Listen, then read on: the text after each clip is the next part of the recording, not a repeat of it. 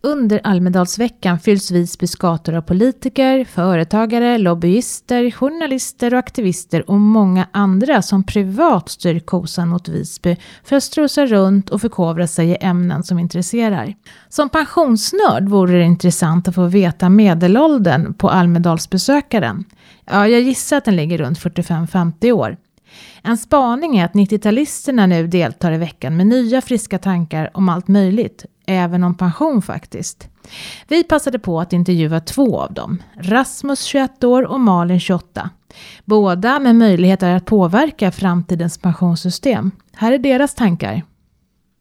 Vi sitter här i Almedalen på en bakgård och eh, pratar pensioner med Rasmus. Berätta, vem är du? Jag är 21 år kommer från Borås och eh, studerar till civilekonom. Så jag har gjort klart mitt tredje år och går mitt fjärde nu till hösten. Så specialisering inom marknadsföring och har ett ganska stort intresse för privatekonomi och ja, framförallt min egna ekonomi. Mm. Och sen är du lite politiskt aktiv också? Ja precis, jag sitter för eh, Moderaterna i gymnasie och vuxenutbildningsnämnden i Borås som ersättare eh, och suttit där i nästan sex, lite mer sex månader. Så jag är fortfarande väldigt ny och, och försöker lära mig så mycket jag kan bara och komma in i politiken mer och mer. Och så säger du att du är lite lillgammal. Tycker dina kompisar det också eller? Ja, jag, jag tror de gör det. Jag tror inte de vill att jag pratar pension med dem. de tycker nog inte det är superspännande. Alltså, tycker de inte det? För att vi börjar få signaler nu att faktiskt fler och fler ungdomar ändå är lite roade. Men du tror inte de är det? Om du säger pension till dina kompisar, vad säger de då? Jag tror att situationen är så i Sverige idag att pensionen är man förlitar sig väldigt, väldigt mycket på staten vilket också då gör att man inte tar ett eget ansvar. Men för unga idag i alla fall så tror jag inte att, jag tror att många väntar tills de kanske är 30-35 och börjar pensionsspara och oroar sig för det framförallt för att som sagt de har ett så pass stort förtroende för staten och jag kan ju säga att jag, det är jag som har fått min pappa att börja trycka på pensionen för att, så att eh, lillgammal kan man väl, kan man väl ändå säga. Den är bra. Eh, och du var på ett seminarium igår som handlade just om pensioner och med en massa sådana här lite något äldre farbröder och tanter höll på att säga som pratade pension och till slut så blev du rätt arg vad jag förstått och sa att men vänta nu, alltså jag hänger inte med här. Eh, berätta. Ja, nej men det seminariet gick ut på om du kan leva på halva din lön för att det är ungefär det, det man får eh, av den allmänna pensionen och, och möjligtvis tjänstepensionen då. Men eh, Nej men det jag tyckte var intressant det var att man hade tagit in eh, privatekonomer i panelen och privatekonomerna står och förespråkar eget sparande och att det är det som behövs för att man ska kunna leva ett skäligt liv som pensionär därför att om du har samma kostnader som du har idag och säg att du har en 30 000 i lön och sen går du plötsligt ner på 15, hur ska du kunna leva på det? Och samtidigt så står Pensionsmyndigheten från, från publiken och, eh, och säger att eh, nej men det räcker att du egentligen jobbar och betalar skatt så kommer du kunna leva ett bra liv. Och då blev jag, jag blev upprörd därför att det är inte så det ser ut. Och um, det kändes verkligen som att det var, ja, men det var verkligen partiska åsikter. Jag tycker att det, det, är väldigt tråkigt och då kommenterade jag den delade tonen som fanns mellan privatekonomer som då faktiskt ser hur det kanske ser ut mer, tycker jag, eftersom att det är de som sätter sig ner med människorna och hjälper dem att få ett, ett bra liv som, som gamla. Medan då Pensionsmyndigheten som förespråkar det pensionssystem som egentligen är rådande idag och ja, jag tyckte att det var, det var dåligt av dem att, att fortfarande pressa upp den tonen. Ja. Eh, men du och dina kompisar, om du liksom tänker på vad Pensionsmyndigheten säger så, så, alltså, och även politikerna säger så är ju liksom den, den nya signalen verkligen att det där med 65 det kan ni bara glömma. 70 typ är det som gäller för er. Eh, hur tänker du kring det? Rent personligt så tänker jag väl så här att så länge du sparar själv så kan du gå i pension när du är 65. Det är inga problem. Absolut inga problem. Därför att ditt egna sparande kommer vara så mycket större än den allmänna eller tjänstepensionen som du får ändå. Så att du kan gå i pension när du är 65, absolut.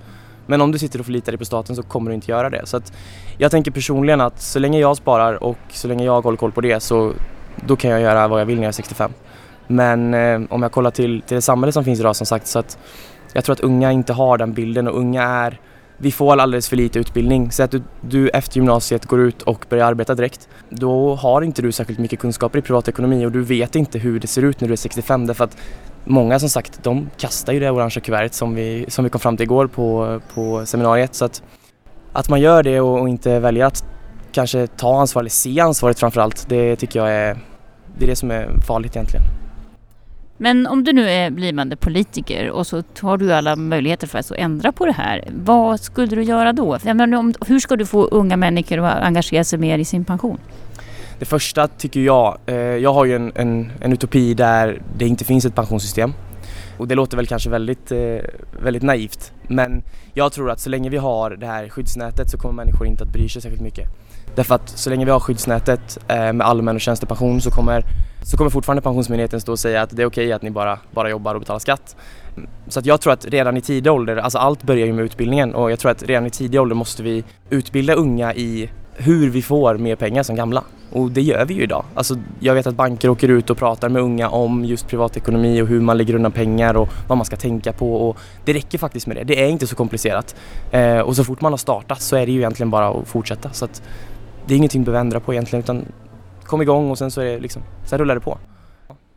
Och då tänkte du lägga ner pensionerna så vi ska inte ha något pensionssparande. Det lät ju spännande ja. Nej det var inte riktigt så jag menade men jag menar mer att jag tror att det egna sparandet måste få ta så mycket mer plats. Och eh, eftersom att jag är liberal då så tror jag ju på en värld där människorna har ett stort individansvar och inte lever eller förnär sig på staten. Så att jag tror, att, jag tror att människor behöver ta mer individansvar, jag tror att staten behöver vara där för att hjälpa dem och, och vi behöver mer utbildning i privatekonomi för att det är en jättestor grund till att människor ska kunna leva bra och till att vi ska kunna få en bra välfärd i samhället framförallt. För att människor inte ska ja, men, sitta där utan pengar. Det är superviktigt låt säga att du tjänar 20 000 i månaden, som man kanske gör som ung om man har ett jobb, eh, så är det ändå så att du får in ungefär 50 000 till din framtida pension den vägen. Och det kan ju vara rätt tufft att spara samma summa pengar på ett år menar jag. Eh, hur tänker du kring de här frågorna? Och, och kanske framförallt, hur får du dina kompisar att, att ens fundera på pension? Det är ju jättesvårt för att just pensionen är ju så ursäkta, ganska osexig att prata om. Speciellt eftersom att den ligger så långt fram i tiden. Men jag tror att, jag tror att människor bara behöver förstå, det var i alla fall det som fick mig insikt. När jag, när jag tog eh, studenten så fick jag en bok av mina föräldrar eh, som var eh, Hur får ett riktigt liv som pensionär, sluta pensionsspara av Per O Andersson tror jag han heter. Eh, jättebra bok och när jag läste den så förstod jag ju verkligen hur, hur stor skillnad det är. Därför att säg att du börjar pensionsspara när du är 20 till att du är 65. Du lägger undan 500 kronor i månaden till en hyfsat standard marknadsränta. Då har du ungefär 3,7 miljoner. Om du börjar pensionsspara när du är 30 då har du 1,5 miljoner och när du är 40 då har du 500 000 när du är 65. Alltså det är så stor skillnad och jag tror att unga måste förstå vikten i att det, ju tidigare du börjar desto mer pengar kommer du ha. Och det kanske också inte är rätt väg att gå men, men jag tror som sagt att hela tiden att det börjar i unga ålder. Det är jättesvårt att påverka en, en rådande generation men vi kanske kan i alla fall fånga upp nästa. Så länge man har det i bakhuvudet, det spelar ingen roll hur osexigt ämnet är men så länge de vet vikten av det och, och förstår att det här är din framtid, då, då tror jag att vi kan fånga upp dem. Mörka politikerna då tycker du? Eller är de liksom för dåliga för att säga till er unga vad ni ska göra eller hur ni ska tänka? Får ni för dåliga signaler därifrån? Jag vet inte om det ligger hos politikerna per se men jag tror att vi måste bara egentligen få ut det i, i, i utbildningen. Alltså. Jag, det var där det föll för mig eh, och jag, jag tror att det är där vi kommer fånga upp mest men ja, jag vet faktiskt inte. Jag tror att politikerna tar de tar väl ett stort ansvar men jag tror att det, det ligger som sagt ute i skolorna. Att vi måste få in det i läroplanen. Eh, samtidigt så är ju du, om jag fattar saken rätt, eh, student och du pluggar och ja, de studenter jag känner då är det liksom mycket sådana här nudlar och ja, så. Eh, hur ska man då kunna spara? Det är klart att det är jättesvårt och det, det är väl inte så att man behöver spara just när man är i studentlivet. Alltså, för många är det väl en tre, fyra år. Och de första tre, fyra åren i livet, det är inte kanske superviktigt. Det finns så mycket annat kul att spara till som lägenhet eller resor med kompisar eller vad som helst. Men, men så fort att du kommer ut i ditt första jobb och då kanske du är 25. Att veta då att 500 kronor i månaden när du har ett jobb, ett heltidsjobb, det klarar de flesta. Det måste jag ändå säga. Och det är då man liksom får börja med det. Men så länge man vet om det att nu är jag vuxen, nu har jag fått mitt jobb. nu, nu ska jag ta ta mina poäng precis. Men sen finns det ju en annan sak som har diskuterats ganska mycket här i Almedalen också och det är ju det faktum att vi faktiskt inte börjar jobba när vi är 25. Vi börjar jobba vid 29 eller någonting sånt där. Dels undrar jag, vad tror du det här beror på och vad tycker du om det? Jag var faktiskt inte, jag visste inte om att det var så sent, uh, 29 år, men uh, det är ju jätteintressant.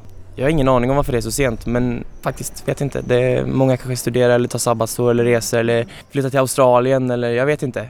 Det är ju så med många unga att de, de vill gärna bli eh, lite internationella och, och fly landet och se sig omkring och det tycker jag är superbra. Men sen när de väl kommer tillbaka och landar så, och får sitt första jobb här i Sverige så kanske de är så pass gamla. Men sen kan ju vi faktiskt också tipsa att även om du är ung och inte har jobbat så mycket så kan du faktiskt gå in och titta på min pension och se vad du har fått in i ditt sparande so far. Jag har tjänat mer än 20 000 på ett år. Då får du betala skatt och då börjar ju pengarna ticka in till din pension. Det är ju bra att veta och då kan du se det på minpension.se.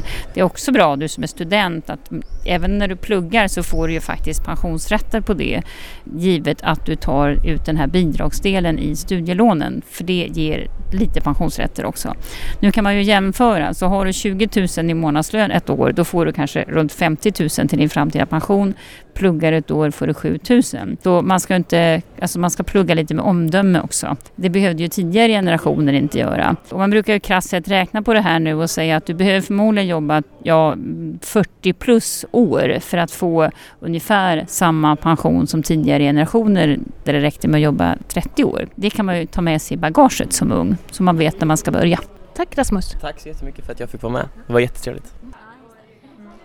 Ja, vi fortsätter här i Almedalen och nu vi, har vi träffat eh, Unga pensionsgruppen. Hej, vem är du?